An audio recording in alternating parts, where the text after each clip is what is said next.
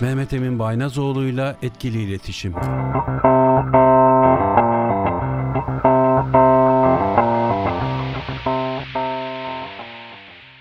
Trakya Üniversitesi Radyosu Radyo Güne Bakan'da yeni bir Mehmet Emin Baynazoğlu'yla etkili iletişim programına hoş geldiniz. Değerli hocam Mehmet Emin Baynazoğlu hoş geldiniz. Hoş bulduk hocam. Yine geçen hafta iki konuğumuz vardı. Biri Doktor Oğuzhan Durgan'dı nöroloji bölümünden ve dinleyicilerimiz çok yakından tanıyordur zaten kendisini bisiklet tamircisi programından. Bir diğer konuğumuz da değerli hocamız edebiyat öğretmeni Fırat Güngör'dü. Fırat Güngör yine programımızın konuğu. Fırat hocam hoş geldin. Hoş bulduk hocam. Nasılsın? İyiyim teşekkür ederim. Sizler nasılsınız? İyiyim teşekkür ederim. Önceki hafta yaz döneminde öğrencilere önerilerle ilgili bizim kendi geçmişimizden daha çok Fırat hocamızın ve Oğuzhan Durgan hocamızın geçmişinde daha genç oldukları için onlar onlar neler yaptılar başarılı iki örnek olarak radyomuzda programımızda konuk olarak almıştık ve bu örnekler üzerinden gittik ki doğru mesajlar verebilelim diye. Her ne kadar tabii şimdi Z kuşağın çocuklarla yaşıyor da olsak onların eğitim ve gelişimiyle ilgilenirken farklı derinlikte ve boyutta değerlendirmek gerekse de yine de ortak noktaların çok olduğunu biz hem bundan önceki programlarda hem de geçen programda gördük. Bugünkü programımız için bir çerçeve çizelim isterseniz ve ben mikrofonu Mehmet Emin hocama bırakayım. Geçtiğimiz programda konuştuğumuz konular aslında üniversite giriş sınavı ve işte liselere geçiş sınavının olduğu döneme, işte yaz tatilinin başladığı döneme denk geldiği için çok doğru bir zamanlama oldu diye düşündüğümüz için o programda konuştuğumuz konuların devamını da konuşmamız gerektiğini. Çünkü gerçekten çok uzun bir konu, tartışılması gereken, ele alınması gereken, toplumda karşılığı olan bir konu olduğunu söylemiştik. Onun için devam edelim istiyorum.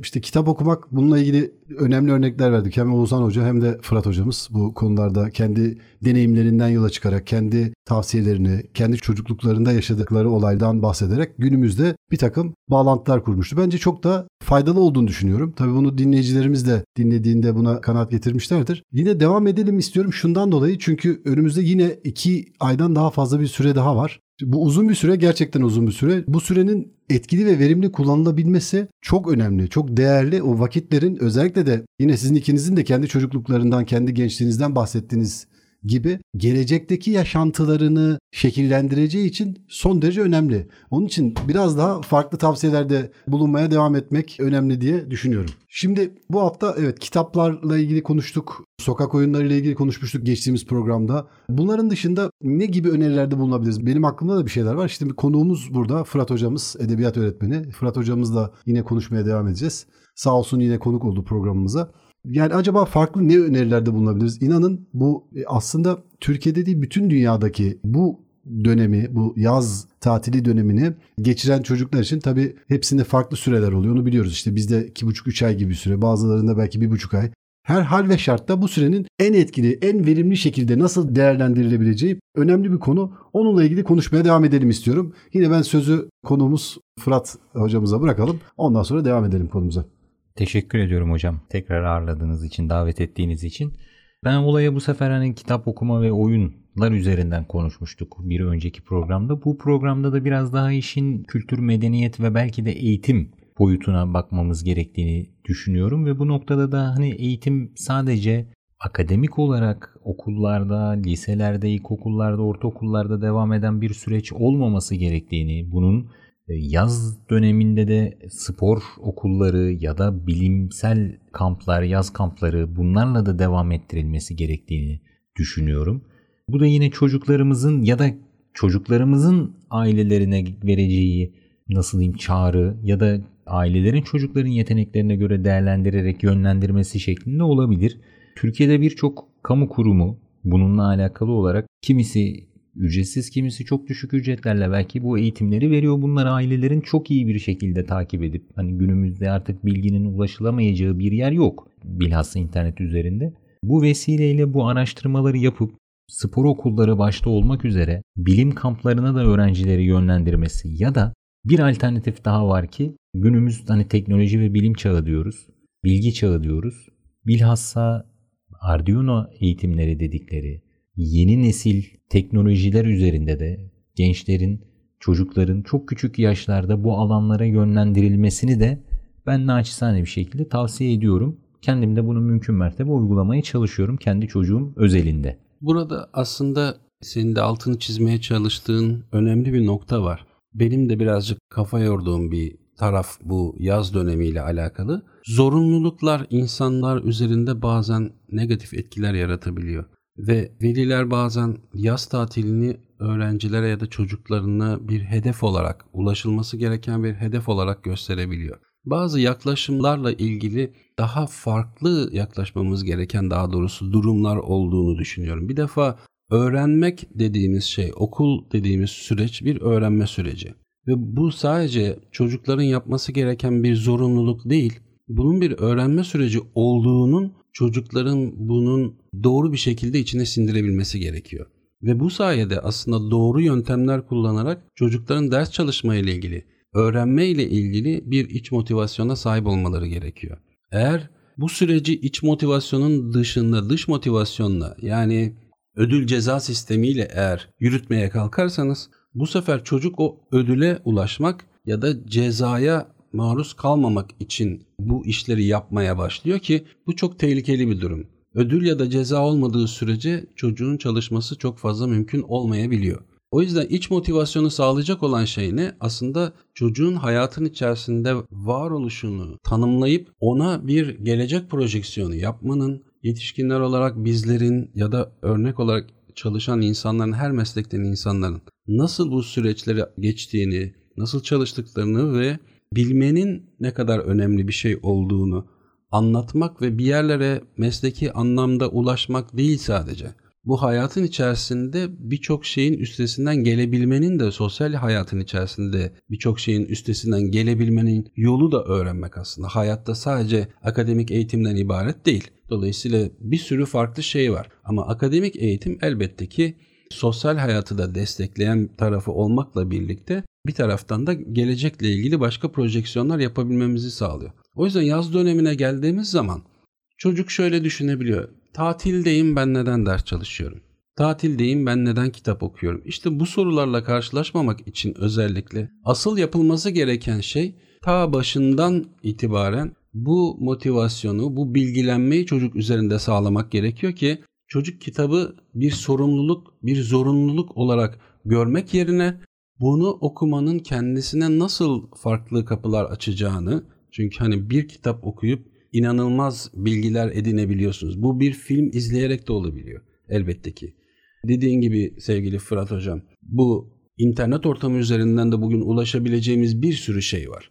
Dolayısıyla bu internet üzerinden ulaştığımız bilgiler de aslında değerli bilgiler ama internet ortamındaki ulaştığımız bilgiler birazcık aslında her şeyin satıldığı bir mağaza içerisinde almak istediğimiz şeyin dışında bizi cezbeden başka birçok şeyin de var olduğu bir mekan olarak düşünürsek ve insanoğlu olarak bizim de zaaflarımızın var olduğunu düşünürsek bizi orada başka şeylere yöneltecek çok fazla şey var. Her şeyden önce bir reklam var. Reklamlar bize tabii ki şimdi eskiden televizyon izleme ölçümleri vardı. Son yıllarda artık attığımız her dijital adımı takip eden şirketler var, araştırma şirketleri var ve biz diyelim ki bir fotoğraf makinesi baktığımız zaman Google'da aradığımızda kendimiz için olmasa bile bütün Google reklamlarının fotoğraf makinesi ile dolduğunu çok rahatlıkla görebiliyoruz. Dolayısıyla bizi takip ediyorlar. Bizi çok iyi de tanıyorlar ve bu çocuk olduğunda mesela YouTube gibi bir video paylaşım sitesine girdiğiniz zaman siz belli bir süre dinlediğiniz şarkılardan sonra sizin olası dinleyebileceğiniz şarkıları belirliyor ve siz o şarkıları daha istemeden zaten önünüze çıkarıyor. Beğendiğiniz, daha önce dinlediğiniz bir şarkıyı dinlediğiniz zaman mesela arkasından sizin olası dinleyeceğiniz şarkıları peşi sıra diziyor.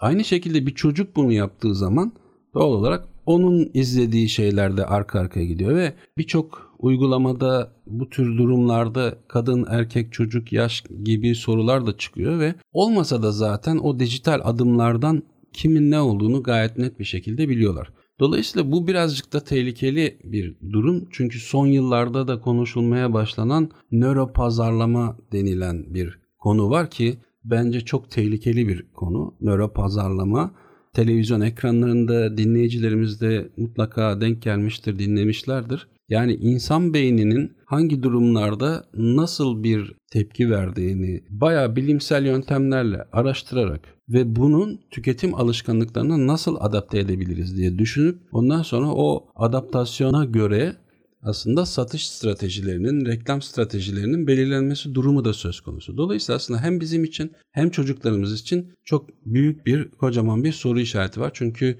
bu tür yaklaşımların toplum üzerinde, insanlar üzerinde, çocuklar üzerinde nasıl etkiler yarattığının ortaya çıkaracak henüz akademik çalışmalar olmadığını düşünüyorum. Yok da gördüğüm kadarıyla. O yüzden biraz sıkıntılı bir durum var. Ben şimdi lafı çok daha fazla uzatmadan bu konuyla ilgili düşüncelerinizi merak ediyorum. Hem Mehmet Emin Hoca'nın hem de Fırat Hoca'nın.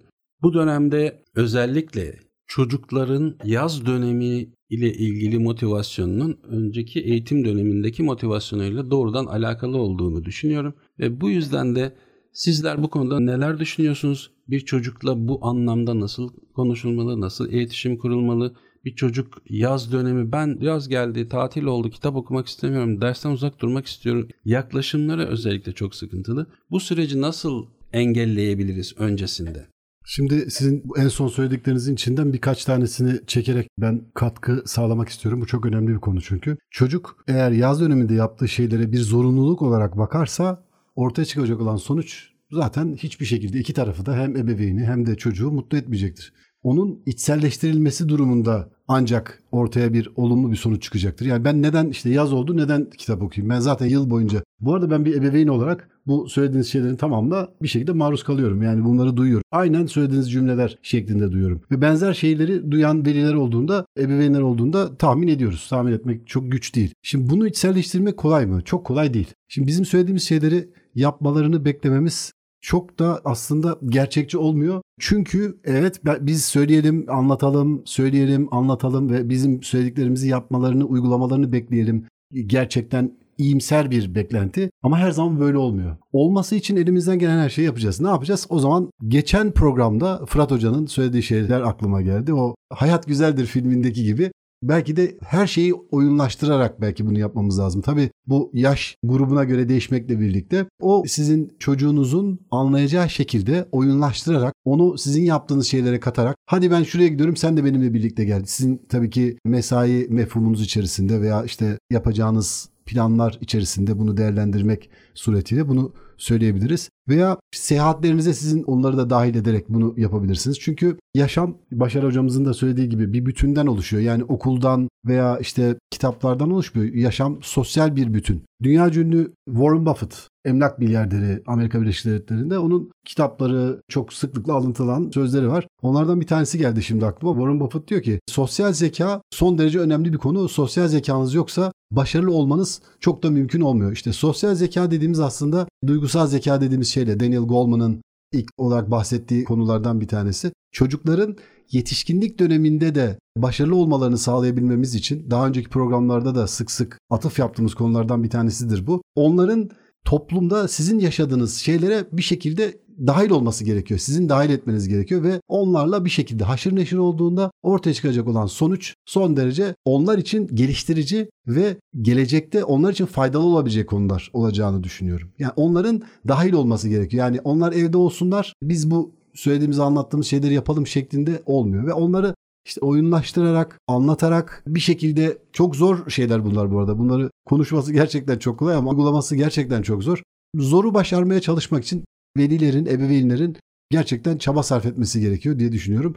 Fırat Hoca'ya bu konuda şimdi sözü bırakmak istiyorum. Acaba o ne düşünüyor? Hocam tam olarak sizin bıraktığınız yerden ben de devam etmek istiyorum. Aslında hayat sadece oyun ya da sokak değil. Ya da tam tersi hayat sadece kitap ya da okulda değil akademik başarı. Evet. Aslında hayat bu ikisinin bir araya getirilmesi. Bunun başarıyla tatbik edilmesi. Zaten burada işte insanlar başarılı oluyor. Sosyal zeka ya da diğer bütün zeka türleri, o altı zeka türlerinin hepsinde insanlar bir şekilde bu eşgüdümlü bir şekilde hayata geçirebildikleri takdirde başarıya ulaşıyorlar. Biz hani yine sizin söylediklerinizden yola çıkarak, refere ederek bir şeyi daha eklemek istiyorum. Çocuklar hani bir şey yaptırırken aslında onları oyunlaştırmaktan bahsettik. Bunun önemini aslında büyükler olarak biraz hatayı kendimizde aramamız gerektiğini düşünüyorum. Bunun sebebi olarak da biz bir zamanlar çocuktuk. Ama çocuklar hiçbir zaman büyük değillerdi. Yetişkin değillerdi. Yani biz onların evrelerinden geçtik. Aslında onların hayatlarına kendi gözümüzden ya da kendi çocuk gözümüzden bakabiliriz.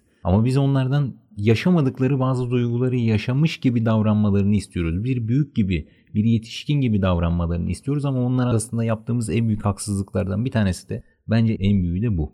Yani çocukları bir yetişkin gibi düşünmemeli. Onların aslında biz çocuk dünyalarına inmeliyiz. Bu çok mu zor? Bence kesinlikle değil. Çünkü az önce de söylediğim gibi biz bir zamanlar çocuktuk ve o çocukluğumuzun hani yaş ne kadar artık ilerlerse de ilerlesin bence bir yerden sonra döngü tersine dönüyor. Belirli bir yaştan sonra biz çocuklaşmaya başlıyoruz. Hani bu kendi işte belirli bir yaşı geçmiş yakın akrabalarımızdan da görüyoruz. Yani hatta da deriz. Yani ne kadar çocuklaştı. Yaşlandıkça çocuklaşıyor. Halbuki aslında o insanın içerisinde o öldüremediği çocukluk hissi, o duygu aslında devam ediyor. Çünkü çocukluk çok keyifli anlar aslında. Hayata baktığınızda hiçbir art niyetinizin olmadığı, hiçbir gizli ajandığınızın olmadığı, tamamen safiyane duygularla yaklaştığınız ve bu yüzden de zaten çok büyük keyif aldığınız anlar. Fakat insan yaşlandıkça, yaş aldıkça hayatın getirmiş olduğu tecrübelerle, deneyimlerle biraz daha hayata karşı bir septik, daha sorgulayıcı, daha şüpheci yaklaşıyor. Belki de bunların getirmiş olduğu negatif etkiler sebebiyle hayattan çok keyif alamıyoruz. Biz biraz çocuklaşmalıyız ki bu onların da hakkıdır. Çocuklar gibi bakmalıyız biraz hayata. Ben çocukların en büyük haklarından bir tanesi olduğunu düşünüyorum. Bu noktada eğitim süreci ben hiçbir zaman şuna katılmıyorum. Okulla sınırlı olduğunu düşünmüyorum. Okulla sınırlı olan mezuniyettir. Ama eğitim hiçbir zaman bitmez. Bu hayatımızın son anına kadar da bunu görürüz, öğreniriz. Sürekli öğrenme devam eden bir süreçtir. Zaten biz bu öğrenmeyi sevdiremediğimiz için ya da öğrenmeyi öğrenemediğimiz için bence bir takım problemleri yaşıyoruz. Öğrenmeyi öğrensek, öğrenmeyi sevsek ve bunu da aktarabilsek ben aslında bugün yaşadığımız birçok sorunu yaşamayacağımızı düşünüyorum. Çünkü akademik eğitimin içerisinde bir yerden sonra bu eğitim bittikten sonra bu süreç bittikten sonra diploma sahibi olabiliyoruz ama biz aslında zamanın öğretmenleri olabiliyor muyuz? Zamanın akademisyenleri olabiliyor muyuz? Zamanın doktorları olabiliyor muyuz? Önemli olan bu bence. Değişen dünyaya ayak uydurabiliyor Kesinlikle muyuz? aynen öyle. Hani bir tabir vardır hani zamanın çocuğu olmak, zamanın insanı olmak diye. Biz bunu belki biraz negatif anlıyoruz ama bence hocamın tam olarak sizin dediğiniz gibi hocam yani değişen zamanın, değişen şartlarına ayak uydurabiliyor muyuz? İşte biz bunu uygulayabildiğimiz ve çocuklarımıza da bunu aktarabildiğimiz takdirde bu başarının geleceğini düşünüyorum. Çünkü hani bu ispatla sabit olan bir şey duran su her zaman kokar. Ama hareketli su hiçbir zaman kokmaz. İşte biz bu öğrenme sürecinin devamlılığını sağlarsak ve o devamlılığı da çocuklarımıza doğru bir şekilde aktarabilirsek ve onları da bu konuda, onların da bu bilgiye sahip olmaları durumunda ben bu süreçleri yazın, ben yazın dinleneceğim, 9 ay okul okudum artık yatmak dinlenmek benim de hakkım cümlelerini duymamış olacağız aslında. Çünkü yaz tatili sadece sırt üstü yatıp göğe bakma duru hani Turgut Uyar'ın şiirindeki gibi göğe bakalım diyor ya hani göğe bakılacak ya da tavana bakılacak zamanlar değil. Yazın iyi değerlendirilebilecek, belki de kışın o akademik süreç içerisinde fırsat bulamadığımız ekstra eğitimlere ve kendimizi bizleri geliştirecek olan eğitimlere, aktivitelere fırsat bulabileceğimiz anlar. Ben bunu aslında pasif öğrenme, aktif dinlenme olarak değerlendirilmesi gerektiğini düşünüyorum. Yani bir doktorun ya da bir dikte olmadan çocuğun yetenekleri ve meziyetleri ve kabiliyetleri çerçevesinde öğrenilecek yeni kapılar açılması ve bunu yaparken de aslında keyif almasıyla beraber dinlenmesini de yani hem hareket ederek aktif bir şekilde dinlenmesini de sağlamış olacağımızı düşünüyorum. Başar hocamın söylediği bir cümle o kadar hoşuma gitti ki aslında biz bir mağazaya giriyoruz. Bu mağazanın içerisinde alacağımız şeylerin yerine bizim dikkatimizi çeken o göz alıcı birçok içeriğin içerisine dahil ediyoruz. Ben bunu şöyle de destekliyorum hocam aynı fikirdeyim. Biz evlatlarımızı uçsuz bucaksız bir denizin ortasına bırakır mıyız? Hiç kimse bunu istemez sanırım değil mi? Ama internet ortamında aslında bunu da biraz yapıyoruz. Yani uçsuz bucaksız bir bilginin içerisinde sunacak hiçbir dalları olmadan bırakıyoruz. Bu bilgi kirliliğinin ya da bu bilgi suyunun, bilgi denizinin içerisinde en azından onlara kılavuzluk yapabilecek bir kaptanı bu dönemde sağlayabilirsek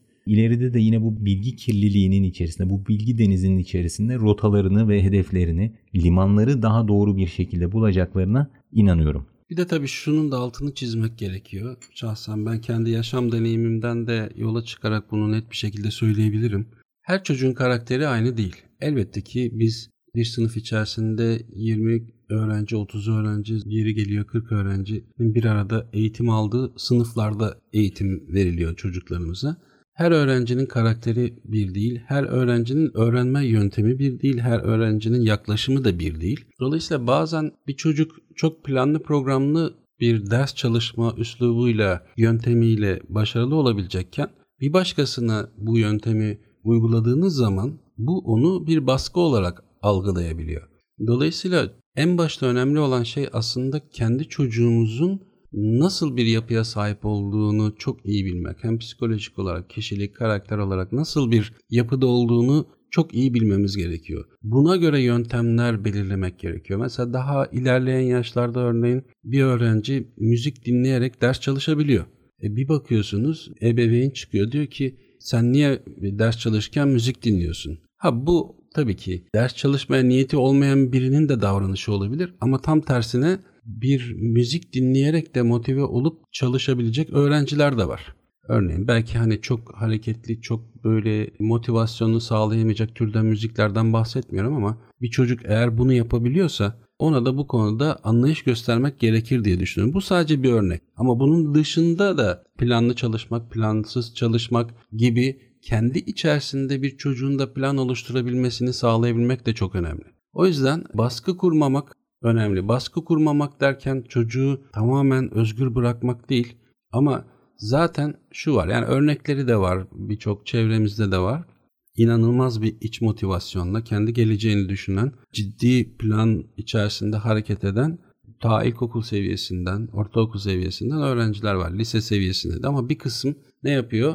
Lise sona geliyor ve lise son sınıfta sınava gireceği yıl Örneğin kendine bir ben acaba hangi bölümde okusam, e, hangi bölümü tercih etsem diye düşünmeye başlıyor. İşte aslında çocuğu keşfetme süreci ta doğduğu andan itibaren başlıyor. Eline verdiğiniz bir kalemle ya da bir e, enstrümanla ya da basit oyuncaklarla oradaki çıkardığı ritim bile bir çocuğun yeteneklerinin ne yönde olduğunu çok iyi görmemizi sağlayabiliyor. Görebilen için elbette. Örneğin şimdi bizim üniversitemizin konservatuarında yarı zamanlı çocuklarımız var ilkokul bölümünde hatta yakın zamanda bununla ilgili duyurularda üniversitemizin web sitesinde bulabilirler. Yani www.trakya.edu.tr adresinde konservatuara yarı zamanlı tam zamanlı öğrenci alımı ile ilgili duyurular yayınlandı ve bunların da detaylarını oradan bakabilirler ilgilenen aileler. Ama bir taraftan baktığınızda mesela konservatuar yarı zamanlı. Ortaokula geçtiğiniz zaman ortaokul tam zamanlı bir konservatuar eğitimi söz konusu.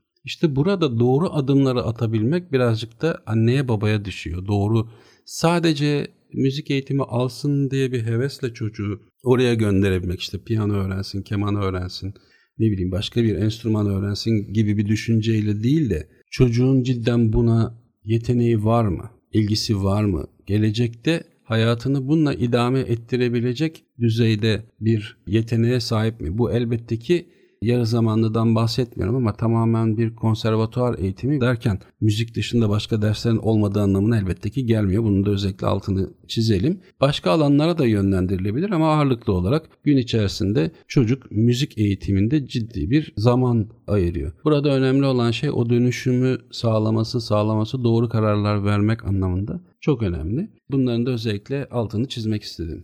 Bu dönem önemli bir dönem dedik. Nedeni işte hem yaz tatili olması hem de aslında birçok ebeveyn için birçok öğrenci için de bir seçim arefesi. Yani ister üniversiteye geçiş sınavına girmiş olsun, ister liselere geçiş sınavına girmiş olsun veya herhangi sınıfa gidiyor olursa olsun öğrenciler şu anda velilerle birlikte aslında geleceğine yön verecek bir takım kararlar verme arefesindeler. Bu nedenle söyledikleriniz çok önemli, çok değerli.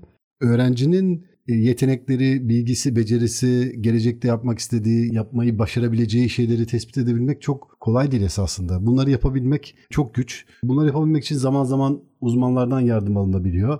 Bu Kesinlikle konuyla ilgili. hocam. Evet bunun altını da çizmeniz iyi oldu. Yani illa biz yeterli olacağız diye bir şey yok. Yetmiyorsak da bu konunun eğitimini almış uzmanlar var. Çocuk gelişim uzmanları var. Çocuk psikiyatrları var. Psikologlar var.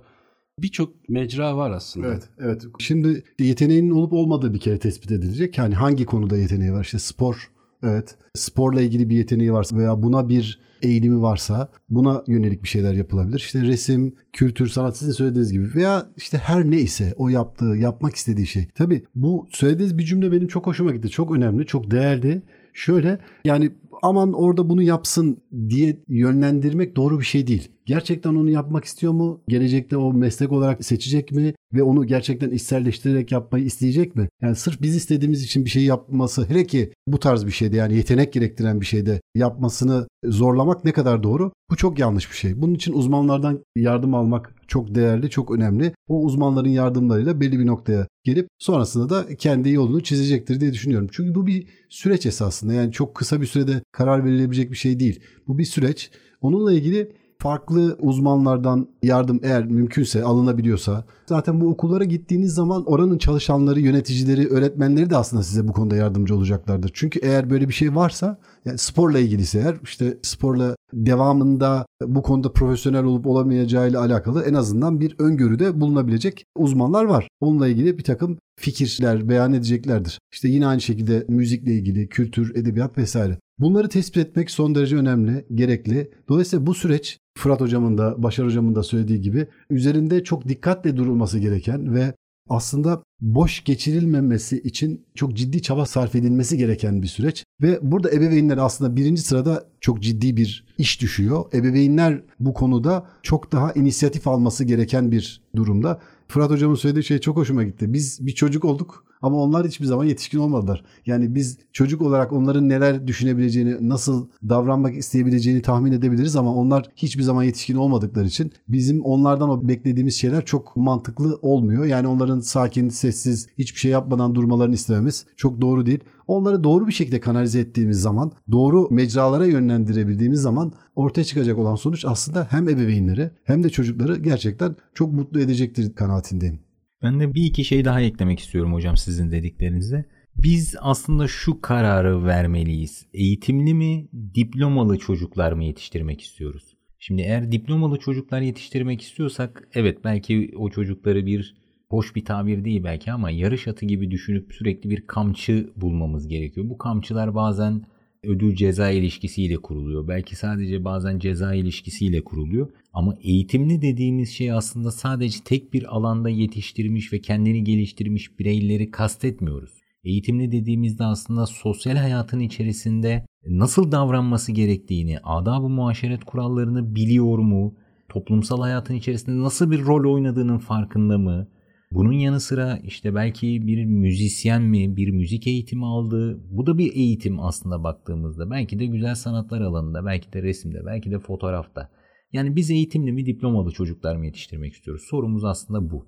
Buna hmm. doğru cevabı verirsek ben aslında yine buradaki o sorunun aşılacağını düşünüyorum. Maalesef bize zamanında bu doktrinler, bu bilgiler çok fazla verilmedi. Biz biraz diplomalı nesil olduk galiba. Çünkü hani üniversite oku oğlum hayatını kurtarırsın, üniversite oku kızım hayatını kurtarırsın diye hani bizi sadece akademik eğitime yönlendirdiklerini düşünüyorum. Maalesef benim yaş gruplarım içerisinde çok başarılı doktor olup da sosyal hayatında maalesef çok başarısız insanlar, çok başarılı avukatlar ama belki de insanlarla temasa geçmekte büyük sıkıntı yaşayan avukatlar görüyoruz. Yani akademik eğitim maalesef tek bir kanalda ilerleyince böyle iki kanadından bir kanadı kırılmış kuş gibi maalesef başarısız oluyoruz bunun sonucunda. Ailelerin, ebeveynlerin güdücü ya da yine belki rahatsız edici bir tabir olacaktır. Beni bağışlasınlar. Çoban değil de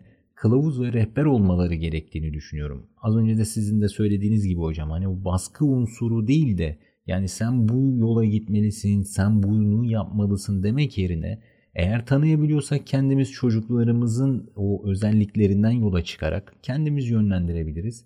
Eğer olmuyorsa da bu alanda Başar hocamın da dediği gibi alanın uzmanlarından işte psikolojik danışmanlık ve rehberlik hocalarımızdan, çocuk gelişmeye hocalarından, e, Çocuk psikiyatrlarından. Çocuk psikiyatrlarından, çocuk psikologlarına yani pedagoglardan bu alanda Tabii. yardım isteyebiliriz. Ki zaten hani onların da bizler için toplumdaki rolü bu bu yönde. istemeliyiz. Yani doğru isteyebiliriz, istemeliyiz. Kesinlikle. Ee, bu önemli bir konu gerçekten. Ben de hazır bu konuya değinmişken hatırlatayım. Biz değerli hocamız Trakya Üniversitesi Tıp Fakültesi Çocuk ve Ergen Ruh Sağlığı ve Hastalıklar Anabilim Dalı Başkanı Profesör Doktor Işık Görker, sonra Doktor Öğretim Üyesi Hasan Cem Aykutlu ve yine Doktor Öğretim Üyesi Leyla Bozatlı ile 20'nin üstünde program yaptık. Çocuk Genç Psikiyatri adıyla ve bu programların hepsini üniversitemizin, radyomuzun daha doğrusu Spotify hesabında yani istediği zaman dinleme şansına sahip. Aslında çok şeyler de anlattık bu konuyla alakalı ve orada en çok söylediğimiz şeylerden bir tanesi de şuydu Fırat Hocam. Psikiyatra gitmek kötü bir şey değil. Yani mideniz ağrıdığında nasıl gidiyorsanız ya da işte kalple ilgili bir sıkıntınız olduğunda tansiyonla ilgili ciltle alakalı hatta en basitinden mesela hani belki bir cildiye doktoru bunu duymak istemez ama hani ciltle ilgili şeyler belki hani hepsi ağırlık kalp deyince beyin deyince birazcık daha böyle hayati riski olan konulardan bahsediyoruz ama ciltte de elbette ki başka sıkıntılar olabiliyor. Biz ruh sağlığımıza ya da ruhsal dengemize söz konusu olduğu zaman eskiden beri gelen yanlış bir yaklaşımla sanki bir çocuğu bir psikiyatra götürmek kötü bir şeymiş gibi. Hayır bizim elimizde bir yaşamın bir formülü yok. Her zaman her şeyi içine yerleştirip sonrasında bir sonuç alabileceğimiz bir formülümüz yok. Ama bu işin eğitimini almış bir mesela tıp eğitimi almış bir hekimin, bir psikiyatrın söyleyeceği şeyler çok önemli. İlla ruhsal problem yaşaması gerekmiyor. Çocuğunuzla diyelim ki iyi bir iletişim kuramıyorsunuz. Doğru yöntemleri kuramıyorsunuz ki şu bir gerçek kuşak farkı denilen bir şey var ve bizim güldüğümüz şeylere şimdiki çocuklar gülmüyor. Onların güldüklerine de biz gülmüyoruz.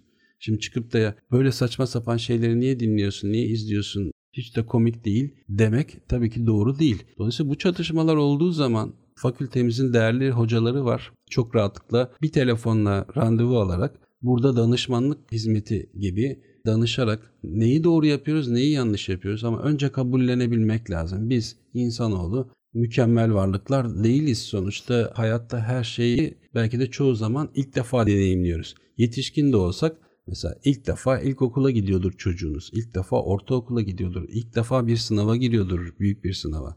İlk defa bir alan tercihi yapması gerekiyordur. İşte bütün bunların hepsinde kendi mesleğimizi de, kendi mesleki birikimimizi ya da diplomamız ne olursa olsun ister mühendis, ister avukat hatta ister doktor olsun hiç fark etmez. Çocuk eğitimi, çocuk yetiştirmek başka bir bilgi birikimi ve meziyet gerektiriyor. O yüzden de olması gereken şey ne? Gerektiğinde bunu hiç utanılacak, sıkılacak bir durum değil. Hep altını çiziyoruz. Çok rahatlıkla profesyonel destek alınabilir. Böyle bir çatışma durumunda ben şunu da gördüm. Mesela bu şekilde yönlenip de aa hata bendeymiş diyen ebeveynler de gördüm. Yani bunu söyleyebilmek de büyüklüktür. Gerçek anlamda bir büyüklüktür. Olması gereken bu. Bu çocuk niye böyle davranıyor dediğinizde emin olun ki o çocuğun öyle davranmasının büyük olasılıkla sebebi başta anne ve babalar ve onun dışındaki kendi yakın çevresi ve sosyal çevresidir. Bu çocuk niye böyle davranıyor diye eleştirmek yerine çocuğu anlamaya çalışmak ve gerektiğinde bu iletişimi geliştirmek için profesyonel destek almayı da göz ardı etmememiz gerekiyor. Son bir şey daha çocuk genç psikiyatri programını dediğim gibi Spotify'da dinleyicilerimiz bulabilirler. 7 gün 24 saat her zaman. Bir de diğer bir programımız daha var. O da Z kuşağında ebeveyn olmak programı. Onu da sevgili çocuk gelişimi uzmanı arkadaşımız Betül Yılmaz yapıyor. Ve o programları da biz Spotify'a yüklüyoruz ve ciddi katkı sağlayacağını düşünüyoruz.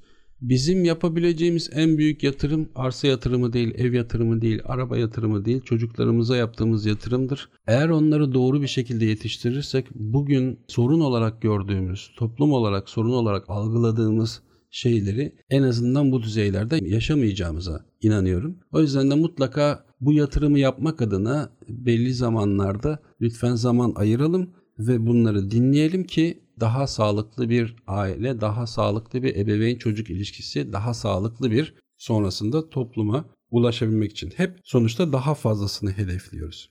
O anlamda söylüyorum. Ben de bu noktada hocam size katılıyorum. Şimdi bunu da şöyle örneklendirmek gerekiyor aslında. Biz bir bina, bir inşaat yapılırken aslında tek bir usta yok değil mi?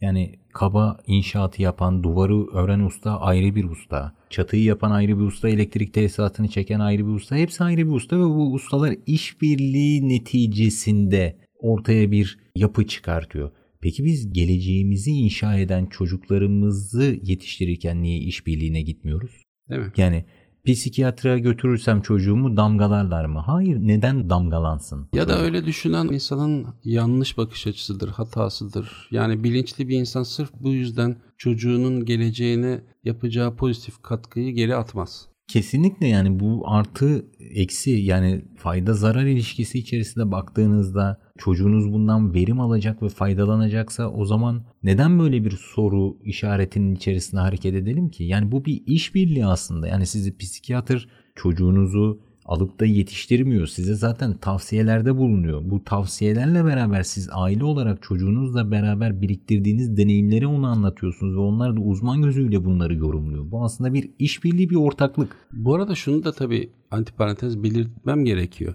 Bazen mesela hiperaktif çocuklar da olabiliyor. Bu çocuklar ya da bunun dışında da başka sorunlar da olabiliyor. Mental sorunlar da olabiliyor. Bazen hatta bu konuyu çocuk genç psikiyatri programında konuştuk. İlaç kullanmanın zorunlu hale geldiği durumlar da oluyor. Ve bununla ilgili de aslında detaylar açıklandı orada. Kullanılması gerekiyorsa kullanılması gerekiyordur. Hiperaktivite dediğiniz şey çok basitmiş gibi görünüyor ve çok zeki bu çocuk o yüzden bu kadar yaramaz falan. Zaten erkek çocuklar yaramaz olur. Zaten şu şöyle olur böyle gibi toplum içerisinde kalıplaşmış cümlelerin peşinden koşarak yok saymak yerine yetişkinlik döneminde bu çocukların çok daha büyük psikolojik ya da psikiyatrik problemlere ile karşılaşabileceği ve hayatında o çok sevdiğimiz, o çok değer verdiğimiz, o en ufak bir gözünden bir yaş damladığında belki bütün dünyayı yerinden oynatabileceğimizi hissettiğimiz çocukların gelecekte yaşayabilecekleri şeyleri düşünerek bu tür alınganlıklardan sıyrılıp mutlaka ve mutlaka ilaçsa ilaç, başka bir şeyse teşhis neyse o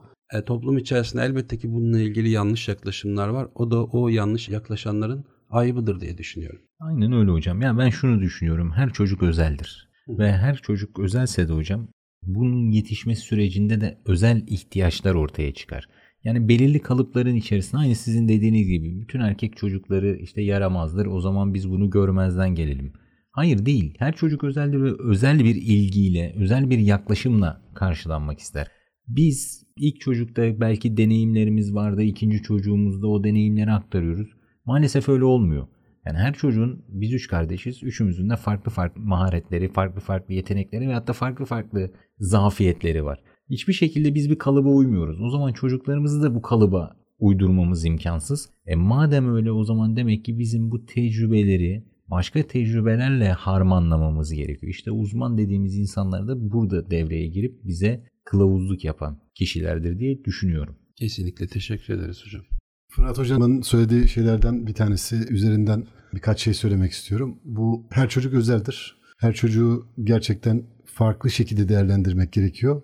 Her çocuğun gelişim özelliklerini, bilişsel özelliklerini, sosyal özelliklerini farklı şekilde değerlendirmek lazım ki ortaya doğru bir sonuç çıkabilsin. İşte Başar Hocam'ın da yine söylediği gibi aynı şekilde uzmanlardan gerektiğinde yardım almamız son derece faydalı olacaktır onların gelişimi için. Özellikle de gelecek yıllarda yani şu anda çocuk olan ve gelecekte 10 sene, 15 sene sonra, 20 sene sonra olmasını istediğimiz kişi hayalimizdeki kişiye evrilmesini istiyorsak işte bu bizim o gerekli tedbirleri önceden almamız gerekiyor. Son derece önemli. Bu konuda hassas davranmamız gerekiyor. Yani ebeveynler olarak bu konuda hassas davranmamız gerekiyor. Benim aklıma şimdi Orta Çağ'da özellikle de Avrupa'da aristokrat ailelerin yaptıkları bir şey geldi. Bu sosyal yaşama da uyum sağlama deyince o aklıma geldi. Büyük tur olarak Türkçe'ye çevrilebilecek bir seyahat düzenliyor. Aylarca süren bir seyahat bu. Özellikle de işte 15-20 yaşlarında gençlerin aristokrat kesim için konuşuyorum. Deneyim kazanmaları için uzunca bir Avrupa turu yaptıkları bir büyük tur olarak çevrilebilecek biraz önce söylediğim gibi bir şey organize ediyorlardı ve burada işte hem oradaki iş yapış şekilleri, işte devlet dairelerinde neler yapıyorlar, insanlar birbirlerine nasıl davranıyorlar, işte kültürü, sanat, edebiyatı.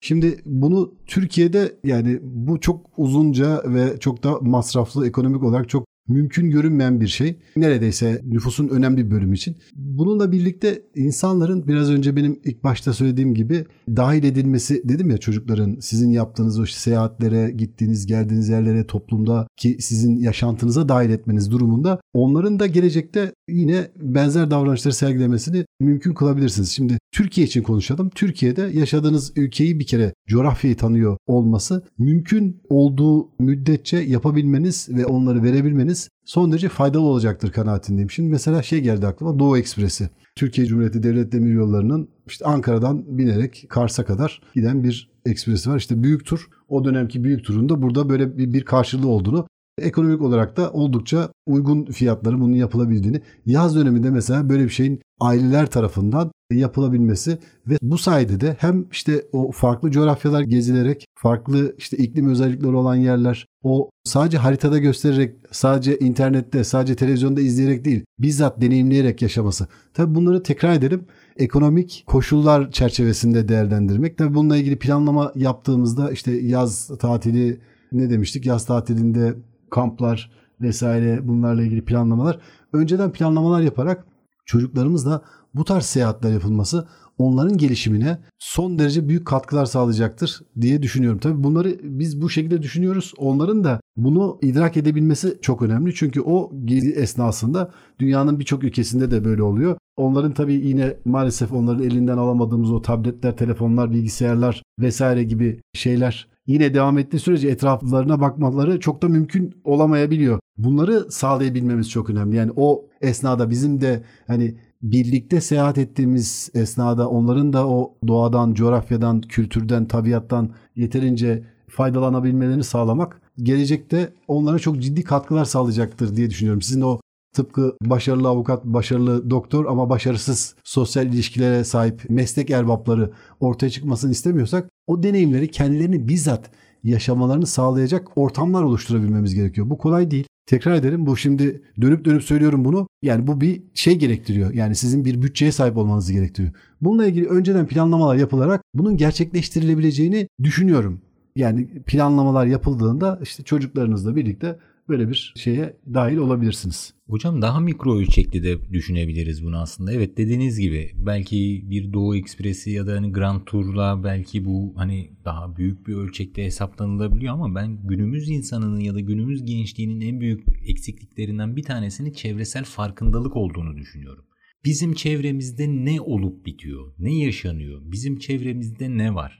Biz nereden geldik, nereye gidiyoruz sorularının açıkçası biraz kaybolduğunu, sorulmadığını düşünmeye başlıyorum. İşte o başta söylediğim hayatı algılamak, hayatta evet. neden varız sorusunun cevabını biraz işte tam tam da bu noktada. Aynen öyle hocam. Hani evet. biz bu insanoğlu olarak nasıl geldik buraya ya da işte hani biz burada Edirne'deyiz ama nasıl Edirne'ye geldik ya da Edirne nasıl bir yer? Bu çevresel farkındalık biraz bizim eksik olduğumuz yerlerden bir tanesi. Belki şehir dışına çıkmamıza gerek yok hocam ama Mesela Sultan II. Beyazıt Külliyesi var Edirne'de. Acaba kaç evladımız oraya gitti? Evet bu konuda sizin en fikrim işte Edirne'de yaşayan ve şu anda orayı henüz ziyaret etmemiş acaba kaç tane hem yetişkin hem de öğrenci var. Bunu düşünmek lazım. Kesinlikle hocam yani çevresel farkındalık dediğimiz şey bu. Peki Sultan II. Beyazıt Külliyesi neden burada yapıldı İstanbul fethedildikten sonra Edirne'de yapıldı? Neden böyle bir yapıya ihtiyaç vardı? Burada neler tedavi edildi? Hangi merhalelerden geçti? Yani bunlar çok önemli. Yani yaz diyoruz ya yaz evet. tatilinde ne yapacağız? Belki de bunu araştırmak bile öğrenciyi belirli bir süre e, o gencimizi öğrenmeye kanalize edecektir. Doğru katılıyorum. Büyük tur yani o çok belki ileriki aşamada olabilecek bir şey bu anlamda değerlendirdiğimiz zaman. Floransa'dan sonra dünyada metrekareye en fazla tarihi eserin düştüğü bir şehirde yaşıyoruz. Edirne. Yani dünyanın en çok değerli sanat eserlerinin olduğu UNESCO Dünya Kültür Miras Listesi'ne girmiş eserlerinin olduğu bir şehirde yaşıyoruz ve bu şehirde bu öğrenci ve ebeveynlerin acaba kaç tanesi bunun farkında veya farkında değil bunları üzerinde konuşmamız lazım ve işte Balkan Tarihi Müzesi var şu anda. Balkan Savaşları Müzesi e, çok yakın bir tarihte açıldı. Ben gittim. Çok etkilendim gerçekten. Yani bütün öğrencilerin, bütün ebeveynlerin, toplumdaki herkesin oraları ziyaret etmesi ve nedenleri üzerinde yani burada ne olmuş, neler yaşanmış bunların üzerinde düşünüp değerlendirmesi son derece önemli olduğunu düşünüyorum. Kesinlikle hocam yani bizim Edirne dediğiniz gibi Floransa'dan sonra dünyada metrekare başına en çok tarihi eserin düştüğü şehir olarak geçiyor. Bunun yanı sıra aslında bu zamanda da bir yolculuk. Aslında yine Grand Tour'u yapıyoruz ama Grand Tour'u mekansal değil de zamansal boyutta gerçekleştiriyoruz. Yani 2022'den 1488'e gidiyoruz. 1400'lü yıllara gidiyoruz. 15. yüzyıla gidiyoruz. Sonra Selimiye Camii tamam hepimiz biliyoruz ama Selimiye Camii bir şehre hayat veren, bir şehre ruh katan, bir şehri değerli kılan aslında orada yaşanmış hikayelerdir, yaşanmışlıklardır. Bu yaşanmışlıklar sebebiyle bir şehir aslında anlam kazanır. Edirne bizim için niye çok önemlidir? Kültürümüzde, medeniyetimizde niye çok değerlidir? Çünkü Balkanlar buradan hareketle fethedilmiş. İstanbul buradan hareketle fethedilmiş. Acı tarafına geldiğimizde Balkanlar kaybedildiği zaman insanlar ilk ayak bastıkları ya da ilk sığındıkları yer Edirne olmuş. Edirne'den ülkemizin farklı yerlerine taksim olmuş. İşte Edirne bunun için bizim için kıymetli. Bu değerleri barındırdığı için 1950'lerde kürklü ama ayağında şalvarlı kadınların hikayesini merak etmeliyiz. Çünkü o zaman Balkanlardan göç esnasında yanında değerli bir eşya getiremiyor. Altın, gümüş gibi ya da işte pırlanta gibi değerli eşyalarını satıyorlar. O zaman için çok para eden kürk olduğu için kürkle geliyorlar. Yani bunun fotoğrafları var hocam yani gar binasında. Yani bu acıyı anlamak adına, bizim geçmişimizi, tarihimizi anlamak adına çok değerli fotoğraflar. Aynı zamanda bizim bir Muradiye camimiz var mesela. Hani bugün belki Selimiye'nin gölgesinde kalıyor. Selimiye o kadar büyük, o kadar haşmetli bir yapı ki, o kadar mükemmel bir yapı ki gölgesinde maalesef çok şey bırakıyor. Biraz o gölgede hareket etmek lazım. Gölge avcısı olmak lazım. Muradiye Camii'ni tanımak lazım. Makedonya Kulesi'nin ne işi var acaba Edirne'de? Makedonya ismiyle ne, nasıl bir kule? Neden yapılmış bu kule? Ne işi var hala ayakta? Mesela bunları sormamız lazım. Emin olun eğer bu soruları sorduğumuzda insanoğlunun en büyük dürtüsü meraktır korkuyla beraber. Biz çocuklarımıza eğer bu merak duygusunu verirsek ben bu açıdan da aslında çocuklarımızı o teknoloji detoksuna sokabileceğimize inanıyorum. Tablet telefondan uzak tutabileceğimize inanıyorum. Mesela daha yani mikro ölçekte bakalım. Edirne'de çok güzel bir uygulama var. Benim çok hoşuma giden bir uygulama var. Sokaklarımıza şehitlerimizin isimleri verilmiş. Mesela o şehitlerimizin hikayesini de öğrenmek. Ben bunu uyguladığım için tavsiye ediyorum. Benim evimin de ismi bir şehidimizin ismi olduğu için sokağımız daha doğrusu. Bu şehidimizin hikayesini de çocuğumuza anlatmamız aslında bizi bir nevi milli benliğimizi ve ulusal hafızayı aktarma noktasında da çok değerli olduğunu düşünüyorum. Ve medeniyet kavramına dikkat çekmek istiyorum. Ki biz büyük bir medeniyete sahibiz. İçerisinde çok farklı lezzetlerin olduğu, çok farklı dokuların, çok farklı renklerin olduğu büyük bir medeniyetiz. Bu medeniyet yolculuğunda da evlatlarımızı yönlendirerek bu alanda neden Bosna'da bir kadın gözyaşı döküyorsa Türkiye'de bir insanın üzülüyor. Türkiye'de bir insan neden üzülüyor? İşte Somali'de bir kuyu açılıyorsa o kuyunun ferahlığı neden Türkiye'ye geliyor? Acaba bu soruların da cevabını alsak biz çocuklarımıza doğru aktarımı sağlamış olur muyuz? Bence oluruz.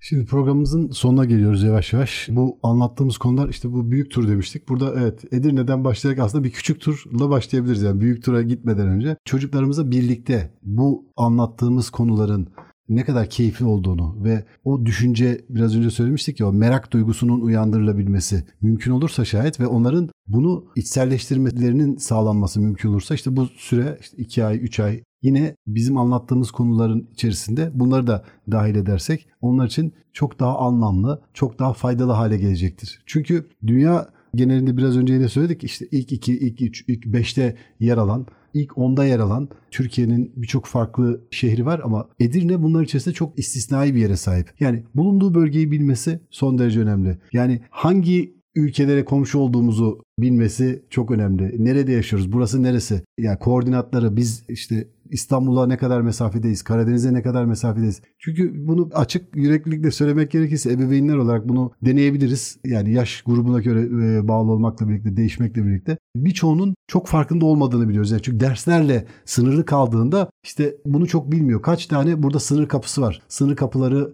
ne işe yarar? Nereden giriyor? Nereden çıkıyor? Nasıl oluyor? İşte Yunanistan'la Bulgaristan'la komşuyuz biz. Çok yakın mesafedeyiz. Ya bunları anlattığınızda veya onları diyelim ki e, mümkünse hatta çıkmanıza girmenize de gerek yok. Kapılara ziyarette de bulunabilirsiniz. Bakın burası işte Kastanyas değil mi? Kestanelik hocam. Bu Yunanistan'ın olduğu Karaağaç'tan bisikletle gidilebilecek mesafede. Doğru mu? Yürüyerek de gidilebilir. Yürüyerek bile gidebilecek mesafede Karaağaç üzerinden gittiğiniz zaman. İşte Kapıkule hadi araçla gidilebilir diyelim. İşte İpsala var. Hamza Beyli var. En azından bunların varlığından yani böyle bir yerin ne işe yaradığını yani buradan insanların ne yaptığını, nasıl ne gibi işlemler yaptığını bunları bilmeleri son derece önemli. Yani Karaağaç'taki mesela en böyle rahat e, pazar kule sınır kapısı. Ya en azından ziyaret edilebilir. Yani yurt dışına çıkmanıza da gerek yok. Bak burası buranın arka tarafı Yunanistan burası Türkiye. Burada şu işlemler yapılıyor. İşte insanlar geliyor, gidiyor vesaire şeklinde. Doğru mu hocam? Hocam Edirne'nin birçok yerinden aslında komşu ülkeleri görebiliyoruz. E, buradan baktığımız zaman. Ama en azından sınır e, kapılarını... Pazarkule'de şu anda bir inşaat var ve o yüzden gittiklerinde sadece inşaat görecekler büyük bir ihtimalle. Ve yavaş yavaş programımızın sonuna geliyoruz. Geliyoruz. Ben Fırat Hocam'dan son kez bir e, son mesajını alacağım. Ben son mesajımı vereyim. Ne olursa olsun anne baba otoritesi önemlidir elbette ama çocuğumuza da yeri geldiğinde bir arkadaş gibi yaklaşabilmeliyiz. Emir kipiyle konuşmak değil bence anne babalık. Sadece anne baba hiyerarşisi içerisinde her söylediğimizi dinlemesi gerekir diye düşünürsek çocuklarımızı doğru yetiştirmiş olmayız diye düşünürüm. Saygı elbette ki önemli ama bu saygı küçüğün de büyüğe saygısı, büyüğün de küçüğe saygısı olması gerekiyor. Sevgi de aynı şekilde.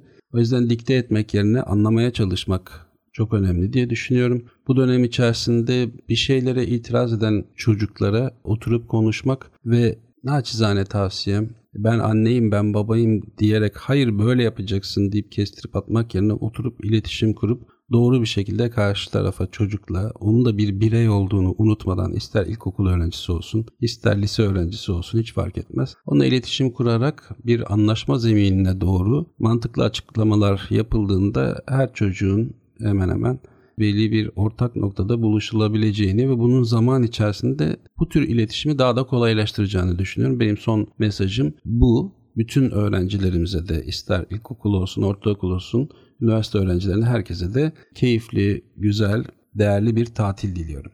Ben de zamanın en değerli hazine olduğunu ve bu hazinenin çok iyi değerlendirilmesi gerektiğini düşünerek bizi dinleyenlere teşekkür ediyorum ve sizlere hocam çok teşekkür ediyorum. Hepinize, bizi dinleyen herkese ben de buradan selamlarımı iletiyorum. Önümüzdeki hafta Kurban Bayramı. Şimdiden Kurban Bayramınızı tebrik ediyorum. Ben de tüm İslam aleminin Kurban Bayramı'nı kutluyorum. Ben de bu bayramın tüm İslam aleminin ve tüm insanlığın kurbiyetine vesile olmasını temenni ediyorum. Teşekkür ederiz. Yeni bir programda görüşünceye dek hoşçakalın. Haftaya görüşerek dek sesimizin ulaştığı herkese hoşçakalın diliyorum. Görüşmek üzere.